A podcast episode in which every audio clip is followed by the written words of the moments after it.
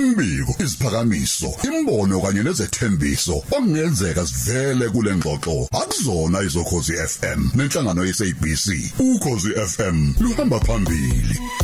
Angizalanga ngabo lamathumbu ngifisa ngabe lo mfana obekade indodana yami angizange ngimzale. Ngiyaliqalekisa usuku engamzala ngalo. So besikhuluma nowesifazane maduzane magama abhlungu la ungawezwa ephuma kumzali khona kanjani umuntu eh, umfoka mkhonazi kwinhlangano ithuleleni organization khona inkosi sikubingelela mfowethu sikwamukele kukhoza Ey angabingelela abasakazi nabayele emakhaya nodedeli bohlelo. awakhipha amagama njengale umzali kungekho into ebhlungu ekhona Ayi kubhlungu bafethu. Eh siyahlangana impela nezinto kwathuleleni ama cases nathi asesenza saba strong. Sigcina sesikwazi nathi ukuthi ikhanselishe but lesimo lesi sokhuluma sona namhlanje simo engasifisela omunye umuntu. Ngizokwakhela nje umlayelo ekhaya nani basakazi ukuthi kwenzakaleni. mm. Eh usisum Rosa ekhuleni kwakho ufike uthanda nosiqemeza Mm. bese njengoba ngithanda nje. Eh bese ekutholisa umntwana. Mm. Bese kushiya nalomntwana lo mfana. Ukhulisa umntwana nakanzima. mm ekukhuliseni kwakho lengane yomfana le uze qhamuka ubabheka. Ningene ebhlani nobabheka naye ubabheka besethi uyakulobola. Yo abe st- okay. Yeah athi ubabheka uyakushada. Abe responsible. Yes. Okay. Akanankinga nengane le kaSiqemeza ngithabo Mhm, yeah. is willing to support even ingane le kaSiqemeza. Mm. Owoza naye emshadweni. Mm. Unithanda nobabili nengane. Yebo. Wena bese uhlala phansi ngane kaSiqemeza ukhuluma naye ukuthi ndodana nangu baba babheka ukuthi uyangithatha. Yeah uyazi ukuthi ngikukhulise kanzima. Mhm. Yikuphi okufisayo? Ufuna ukusala ekhaya noma ufuna ukuhamba nami niye emshadweni? Uzobehave noma ngabe emshadweni? Athi umfana hayi ma ngizokusupport mhm. Uma ningena emshadweni bese ufika nemshadweni uba muhle uthola umntwana wentombazana okay kababheka. Kababheka. Babheka yeah. Uma sekuthola lo mntwana lo athi umntwana no 4 years bese ingane kaSiqemeza ivele idlongula lo mntwana Hawu. ababheka. Emshadweni. La nalengane kaba Mm. ababheka uvula icala sesumrosa icala nansi message umshushisi umshushisi ulwithdrawile icala. Incwadi kadokotela ikhona eprove ukuthi ingane iyadlwengula sazike ukuthi ke mhlawumbe iziphi izathu mhlawumbe ama cases awabona umshushisi ukuthi ngeke likwazi icala ukuqhubeka but ke the case was withdrawn. So kusisi uthi sekuphele ngisho ukuthi lengane wayizala ngoba nasemshadweni akahleli kahle mhlawumbe inkulumo ekhona noma ke ubabheka ewumuntu ongakhulumi kulesimo sonke sikanje so ke sokhuluma nawe sisi. Siza ukuthi ke uthini fese simsize ngani? Yebo. Okay khona kanjani udadewethu em anonymous asikubingelele sikwamukele kukhoza kuseni ngiyabingelela msakazi. Ngibuka istatement ozusisho ukuthi angizalanga ngabo lamathumbu mfisa ngabe lo mfana obekade indodana yami. Angaze ngimazi noma ngimzale. Ngiyaliqalekisa nosuku engamzala ngalo amagama asuke enzima ephuma komzali lawo ya kunzima. Mm. yakhe isithombe kumlalelo lalele mhlawumbe ongaba nosizo lokutakula ukuthi yini uzuzukhala kabuhlungu kanje? Yazi umfana bengimthemba ngimthanda ngimnikeze yonke into enikeza izingane. Eh angazi ukuthi ufike kanjani la but into eyenzeka it was one sunday. Ngi- ngibone kwi toilet seat ingane uqeda kuchama. Eh ku- ku- kunento eyigazana ingakanani ngane bina four at the time. Okay. it was last year. Ngi mina ngitshela ukuthi sichenene nje ngingayithatheli phezulu leyo nto kodwa ngithi hayi vele ngifuna ukuya eclinic imonday sizohamba sobabili kusasa. Sifike eclinic ngichaze bamenze wonke ama-test o-HIV oshukela nani nani. Bathi hayi ah, ingane yonke into negative ngithi mina ngicela nibheke. Athi unesi ingane asiyibheki. Ngithi ngicela ungenzele incwadi iye la izobhekwa khona. Bese kuqala ama concerns angenzele incwadi yokuye ethuthuzela. Mangifika ethuthuzela futhi nakhona ngiyakhona nje a- a- angitsheli angikho lapho because ingane yami le ndala nayo i-right ayikho into engiyisuspectayo ngiyaya nje. Ah udokotela mesho ukuthi ingane idlonguliwe ish geza umhlaba ubamncane. Mm. ngafisa imbobo yok- yokungena and um kuze kube ukuthi ngila ngikhona manje iphuthe ngalenzayo ngaleso sikhathi ukuthi ngithi akwazi ngithi ingane yami ngekuyenze leyo nto ngithi akuyena. Ah, le- leyo nto leyo leso statement leso sasikhomba ukuthi mina ngiyamvikela umfana. Kodwa it wasn't the case. Uma ukushock uvelelwa into ongayilindele you can react anyhow. Uh so kwi-docket langabhala igama lomfana at the time ngoba ngathi mina akwazi kodwa ingane lokisho isubhuti ungenza kanje. Awubakithi um ngahamba i think it was a week or two in- ingqondo yami sey- seyi-absorbile yonke lento. Ngahamba ngaya kumhl- kumphathi wecala ngahlala naye phansi ngathi mina yazini? Angisekho in denial. Umfana wami akekho omunye umuntu wesilisa obehlala nalengane uyena yedwa. Misho kanje uyena. I know deep down uyena. There's no any other suspect. E- e- into yangiphatha kambi umfana akazange aza question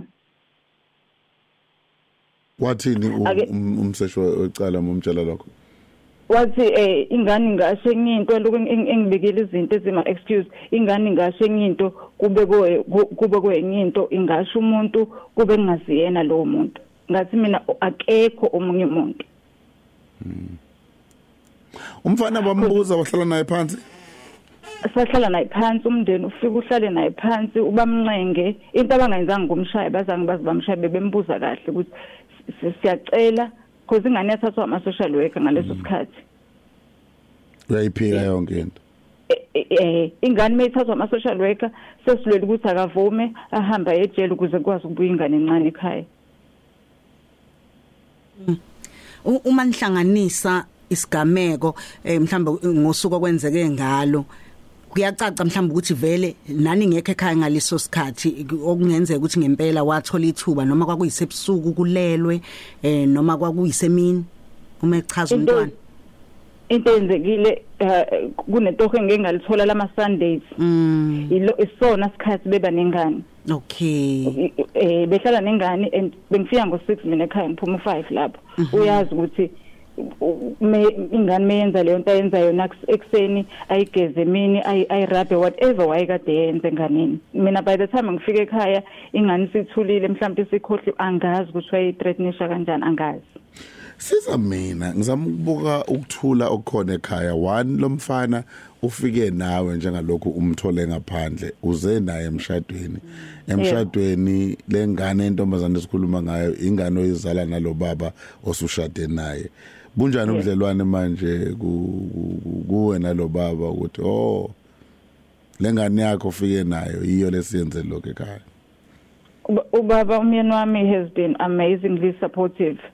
Um uyazi ukuthi uyasho ukuthi ingane bongeke uzuyithume nami bengiyithanda ingane. Eh eh, khathi kwenzeka wathi akwazi i-response yakhe wathi my son will never do that.